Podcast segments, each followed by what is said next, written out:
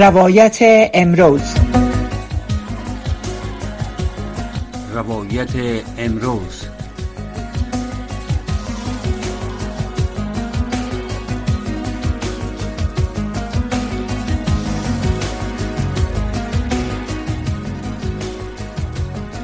عزیز خوشحال هستیم که بیننده و شنونده رادیو آشنا صدای امریکا هستین و سریق ستلایت ما را می‌بینین. نشرات ما ادامه دارم.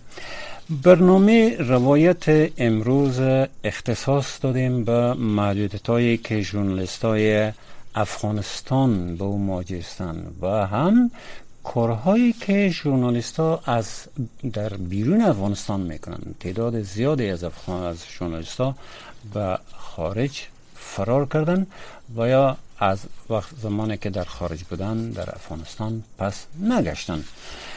از زمان حاکمیت طالبان افغانستان تا کنون رسانه های زیادی تحت فشار قرار داشتن و در میان خبرنگارا و کرمانده تلویزیون رادیو روزنامه ها مجلات و تمامی رسانه ها با محدودیت های زیادی روبرو بودند وضعیت ژورنالیستا در خارج از افغانستان چگونه است؟ ما امروز از هند شروع می‌کنیم و کوشش می‌کنیم در سایر کشورهایی که ژورنالیستا در حضور دارن ژورنالیست افغان فرار کردن هم از اونا بشنویم. مهمان برنامه امروز ما جناب پامیر پاکتین ژورنالیست هستند که در امور روابط بین المللی هم تخصص دارند اینا در هند زندگی می‌کنن. بقیه داستان از خودشان میشنویم با صحبتی که با ایشان خواهیم داشت. جناب پامیر پاکتین شما آواز ما رو میشنوید؟ به نام عادل یکتا تشکر از شما عزیزاده صاحب بله ما آواز شما را دارم. و آواز شما را میشنم تشکر از اینکه به برنامه وزیرتان ما را دعوت کردیم ممنون شما که حضور یافتین. در آغاز ما گفتم که برنامه اول ما سر محدودیت ها بود ولی متمرکز بود سر محدودیت ها بر زنا و دخترها که از مکتب باز نگه داشته شدن. در کار اجازه ندارند در کار در خارجی هم راه یافتن نمی‌تونن. این قوانین است که حاکمای کنونی افغانستان طالبا بر افغانستان تطبیق می‌کنن و در حال تطبیق کردن هستند. البته خطرات ازی نه تنها برای افغانستان زیاد است برای بلکه برای جهان هم خطرناک است. برای که می‌تونه در جهان نمونه قرار بگیره. در کشورهایی که درک نمی‌کنن و در کشورهایی که فکر می‌کنن وضع محدودیت ها بر زن و خانم ها و دیگه اقشار مثل ژورنالیست ها مثل شماهایی که در خارج ماندین و هستین و فعالیت می‌کنین او الگو قرار بگیره و تاثیر تاثیرگذار شود از کارهای ژورنالیستیتان شروع بکنیم. شما در هند فعال هستین به حیث رئیس اتحادیه ژورنالیستا در هند. یک مقدار معلومات بتین برای شنونده عزیز ما که کار عمده شما به حیث رئیس اتحادیه ژورنالیستا چی است و چی محدودیت های حتی در خارج از افغانستان هم شما با او رو و دارین. با تشکر از پرسش شما یک بار دیگر سلام احترامات ما میرسانم به همکارای تکنیکی شما که صدای ما را وسیله میشن و کمک می‌کنن تا صدای ما برسه برای شنوندگان محترم و بینندگان محترم. و بسیار خوشحال هستم. تشکر از پرسش های شما. ما بازم می‌خوایم این موضوع را مشخص بسازم. من رئیس اتحادیه خبرنگارا در اینجا نیستم. عضویتش دارم. عضویت بورد کمیته خبرنگاران را داشتم. ما تقریبا ما یک حیات رئیسه هستیم که این موضوعات و مشکلات خود پیش می‌بریم. تشکر. در مورد مشکلات و اعمال محدودیت ها بالای خانم ها اقلیت ها اقلیت های مذهبی خبرنگارا و کسایی که برای آزادی بیان و آزادی فکر و اندیشه در افغانستان کار کردن و در خط اول قرار داشتن این اولین بار نیست که بعد از آمدن طالبان و در خطر قرار گرفتن. اونا همیشه مورد حملات هدفمند تروریستی و فردی بر افغانستان قرار گرفتن و تعداد قبل از آمدن طالبان افغانستان ترک کردن. و تعداد بعد از آمدن طالبا افغانستان را ترک کردن چون خاطرات بسیار بده که از سال 2001 به خصوص یعنی دوره اول طالبا بود تمام مردم افغانستان داشتن و طالبا از اینکه یک گروه افراطی و مذهبگرا هستند و به هیچ پدیده دموکراتیک و انسانی و جهانی نمی‌اندیشن با او احساس و با او بنا اونا مخالفت های شدیدشان علیه زنها علیه اقلیت های مذهبی علیه کارمندان رسانه و بخصوص خبرنگارا دارند ما در اینجا بخصوص خودم فعالیت های من منحیث یک خبرنگار غیر وابسته یا freelance journalist در هندوستان انجام میتُم و در چوکات رسانه مشخص ما شخصا کار نمی‌کنم. برای شما بهتر معلوم است که در شب روز که مقداره فعلا خبرنگاری traditional یا خبرنگاری سنتی یا فعلا کمتر رنگ خود داره و خبرنگاری شهروندی یا citizen journalist یا guerrilla journalist یا street journalist یا که افراد غیر مسلکی هستند در دنیا کارهای رسانه‌ای را به خاطر نشر و اطلاع رسانی در جوامع بخصوص دموکراتیک انجام میتن و ما چون طبعا سابقه خبرنگاری در افغانستان شخصا من خودم داشتم و در مدت زیاد در افغانستان تقریبا سابقه کاری ما ما کار کردم در اونجا. بخصوص 20 20 سال اخیر دوره که بعد از ختم دوره اول طالبان بود تا دوره اخیرش فعالیت های رسانه‌ای خود داشتیم آموختیم از کورسا و از معیارهای بین المللی و جدید ژورنالیسم آموختیم.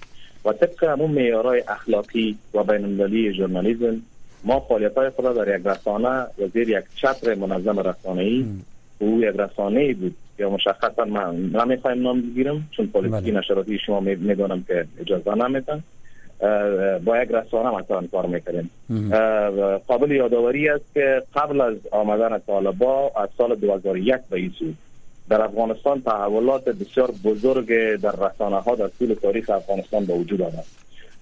قبل از سال 2001 دوره اول طالبا خشنترین دوره برای خبرنگارا برای زنان برای اقلیت های مذهبی و برای تمام مردم افغانستان کسایی که آزادی را می و با آزادی زندگی کرده بودن یک رژیم وحشتناک آمد که او خاطرش از بین هیچ کسی که حداقل امروز 30 و 35 سال عمر داره و 40 سال عمر داره و بیشتر از 40 سال عمر داره یعنی منظورم بیشتر از 20 سال از عمرشان فراموششان نمیشه.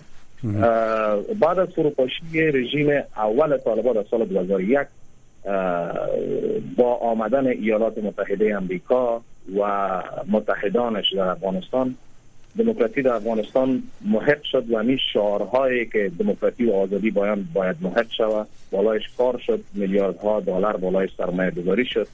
و طی 20 سال در افغانستان رسانه ها بخصوص رسانه های شخصی به کمک سازمان های بینالمللی و انجیو ها و دیگر کشورهایی که کمک می‌کنند به این ها به وجود آمد.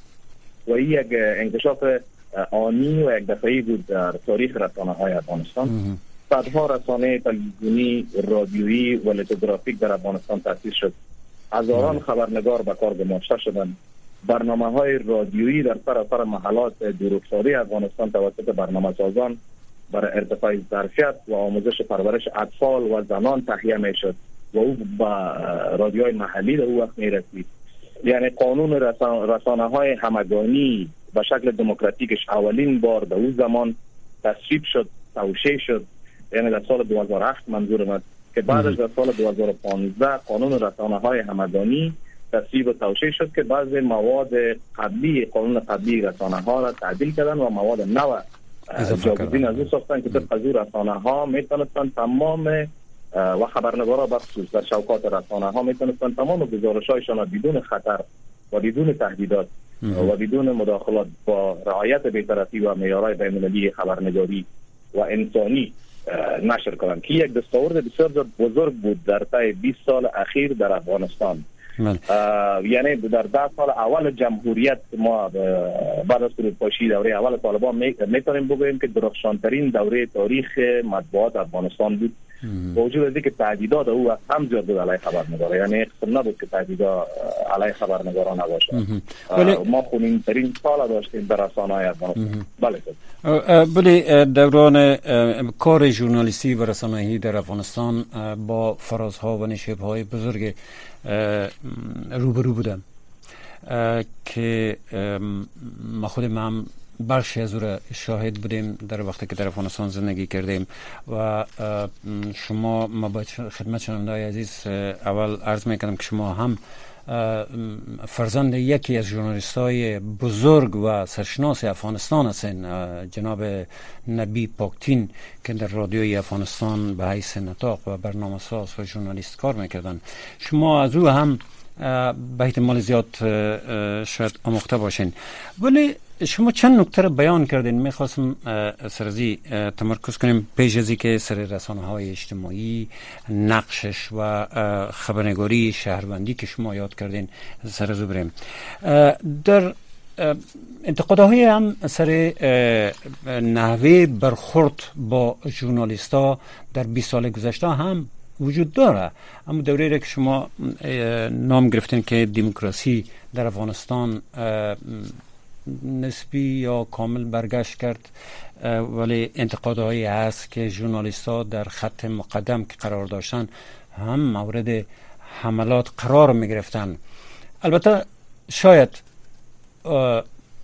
عوامل عمده از او حملات هم گروهی باشه که فعلا در, در افغانستان حاکم هستند ولی قبل از او هم قبل از رژیم در زمان رژیم کمونیستی و بعد از رژیم کمونیستی هم ژورنالیستان مورد حمله قرار گرفتن. همیشه چرا به نظر شما باعث یک ژورنالیست در افغانستان البته می‌تونیم یک مقدار فکر کنیم خود ما که خانم ها در کنار ژورنالیست ها یا ژورنالیست ها در کنار رسانه ها و ژورنالیست ها مورد حملات قرار می گرفتن ای یک بناوی از فرهنگ سرکوب در حکومت هایی که مقتدر هستن سرکوبگر هستن تبدیل شده بود. در افغانستان. موافق هستین با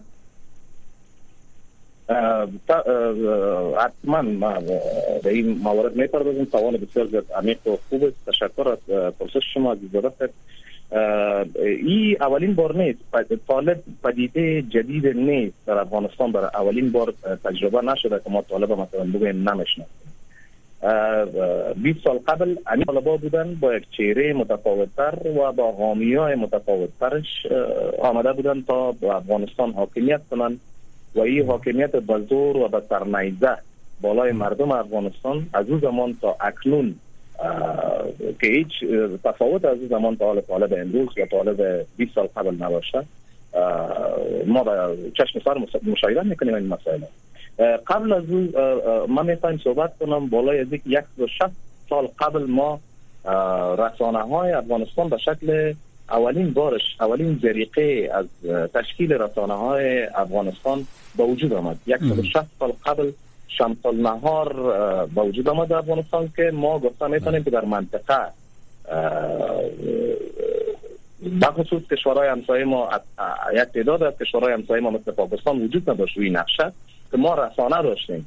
شمس نهار آمد سراج الاقبال آمد و بعد از او اولین رسانه زنانه را ما داشتیم در افغانستان که خدمتش تقریبا از 20 سال بیشتر میشه و از اون زمان تا امروز که دموکراسی در افغانستان آمد و آزادی بیان در افغانستان آمد فراز و های بسیار زیاد رسانه های افغانستان دید سرکوب های بسیار زیاد را اهل رسانه و خبرنگاران افغانستان دید تشکر از که از خدمتگاه ما یادآوری کردین اینا یک بمب بسیار زیاد از طرف رسانه های افغانستان کردن و سوگمندانه بدون کدام جرم و بدون کدام گناه اونا به زندان افکنده شد. بله.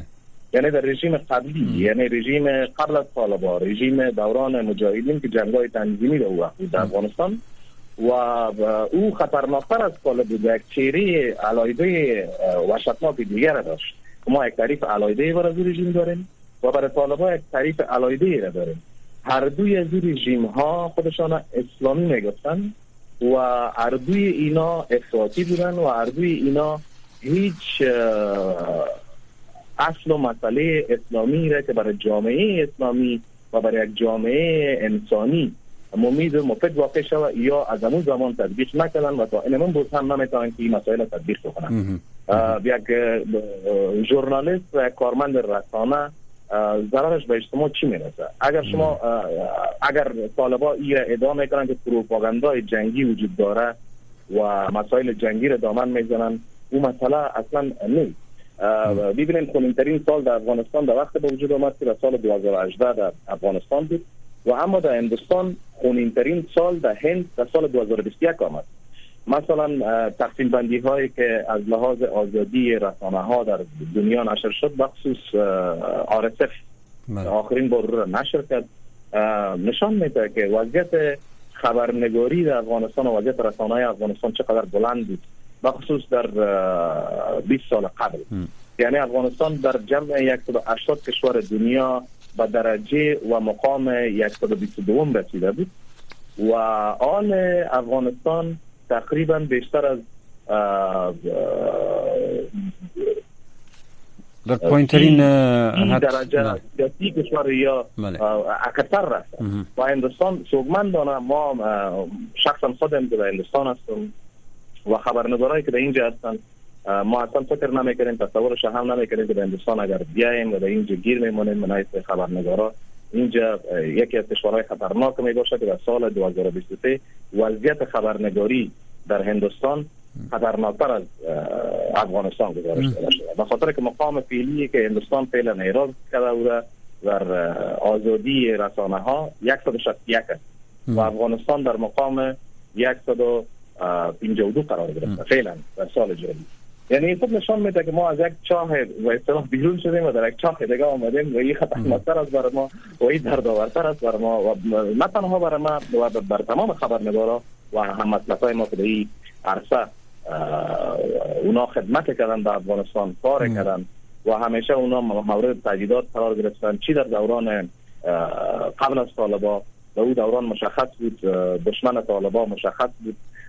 مردم ملکی مورد هدف قرار می گرفتن قسم که شما فرمودین خانم ها مورد هدف قرار می گرفتن مکاتب مورد هدف قرار می گرفت کورس ها و مراکز آموزشی مورد هدف قرار می گرفت و رسانه ها به خصوص شدیدن مورد حملات تروریستی و حملات فردی قرار می گرفتن که دانه تا اکنون و تا امروز هم ادامه داره که تعداد زیاد از خبرنگارای ما امروز در افغانستان در یک وضعیت خراب به سر می‌برن. شما فکر کنین در دوران در 20 سال قبل از در 20 سال قبل حدود در مورد خانم می‌خوایم صحبت کنم که حدود 2005 تقریبا 2490 چند 96 است 2500 حسابش می‌کنیم.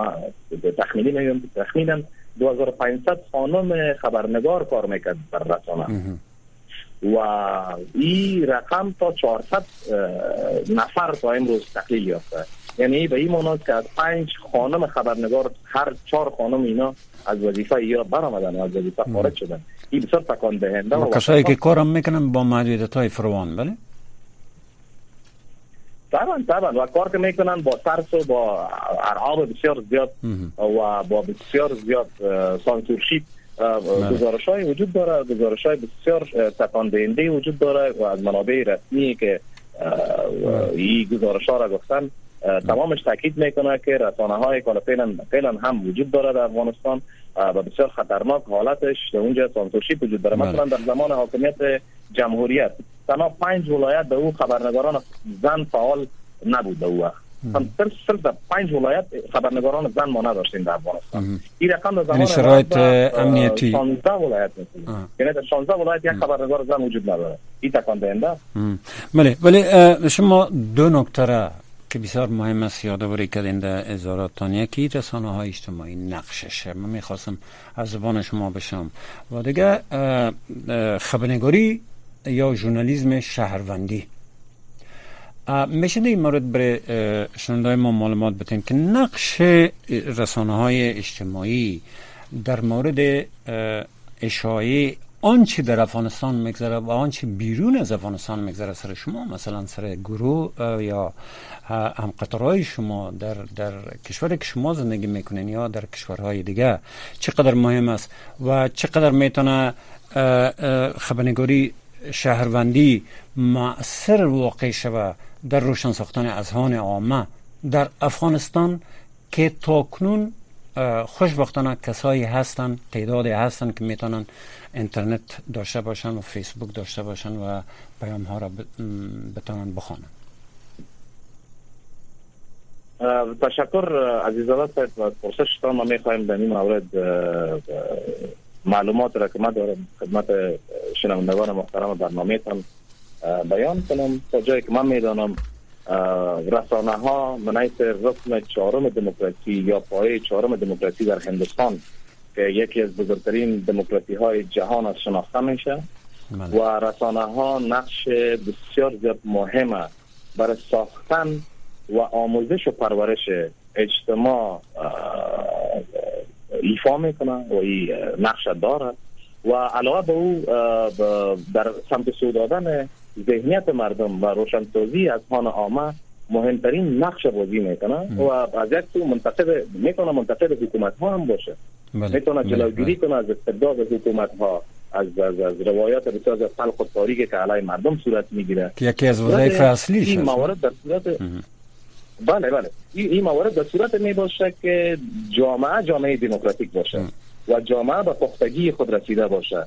و مثلا در افغانستان در 20 سال قبل آزادترین رسانه را ما داشتیم. ما, ما برای شما بگویم که افغانستان چل کشور بیشتر بود از هندوستان. هندوستان که ما میان قرار دارم به اینجا. بله. در حالت فعلی امروز افغانستان چل کشور از لحاظ آزادی رسانه ها بیشتر از هندوستان قرار داشت و بیشتر از پاکستان قرار داشت و بیشتر از چندین کشور دیگه قرار داشت. این بسیار مهم بود. یعنی فکر می‌کنین یعنی به این مونس با معذرت کردم شما را. قطع می‌کنم یعنی به این مونس که دموکراسی در افغانستان از یک دموکراسی که بسیار زیاد قدیمی است و بسیار مورد احترام است نحوه دموکراسی هند در جهان. از او هم که آزادتر و سهلتر و آسانتر بوده؟ طبعا بله در سال 2020 و سال 2021 ارقامی که به سخت رسیده که از آزادی رسانه ها را در تمام کشورها نشان میده بنابر چندین شاخص که افغانستان در سال 2020 و 2021 یعنی قبل از آمدن طالبان اون سال طالب هم آمد یعنی تا قبل از این آمار گرفته شد.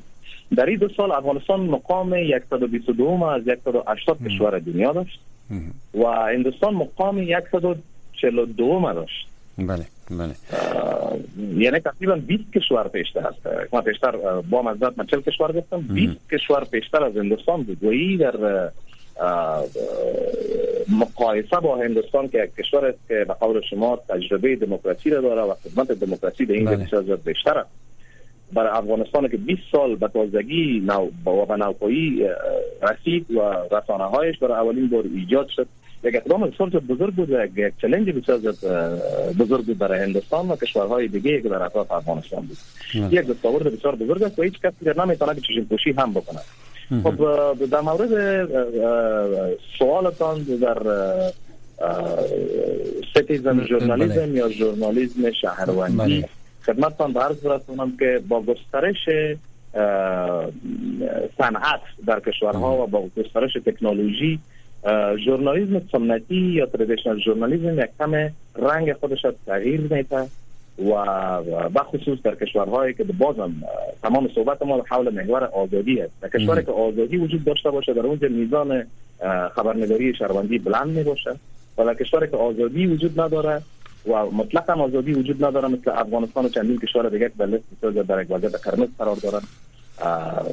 وضعیت خبرنگاری بر صورت در کل مورد سوال قرار می‌گیره که در افغانستان به مو حالت فعلا قرار داره شهروند خبرنگاری بخصوص در کشورهای خارجی در کشورهایی که حتی در بعض کشورهایی که آزادی هم وجود ندارن و خبرنگارا به صورت مستقیم سرکوب میشن شهروند خبرنگاری نتیجه خود داده. مثلا مسائلی که در ایران در اواخر وجود آمده که از مثال شما کشور ایران هم میگیم بله. مثلا در عراق یا عراق مشکلاتی که با وجود آمد.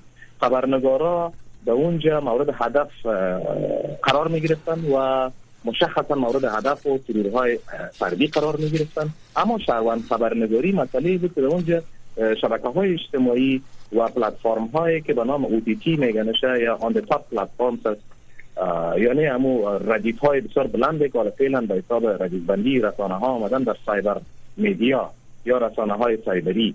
که مثلا فیسبوک است مثلا توییتر است مثلا رسانه های جمعی است یا رسانه های مجازی ما میگیمش در اون کشورها خود مردم بیدار میشن. خود مردم با وجود از که مسلکی خبرنگاری را نمی‌تونن از لحاظ مسلکی و اساسات خبرنگاری را نمی‌تونن اما او می‌تونن که در یک صحنه که جنگ وجود داره و در یک صحنه که نابرابری را می‌بینن با چشم خود و در یک جای برابر میشن که اونجا قتل است و شواهد دیگه وجود ندارن. اونا می‌تونن با یک وسیله بسیار کوچک که موبایلشان به دستشان است یا صدای را بگیرن در یک جای یا تصویر را بگیرن و همون تصویر روایات انعکاس بدن بر رسانه ها. و من خیلی واقع شد. در افغانستان هم واقع شد. در ایران هم واقع شد. در انقلابات به خصوص که در آخر در ایران به وجود آمد.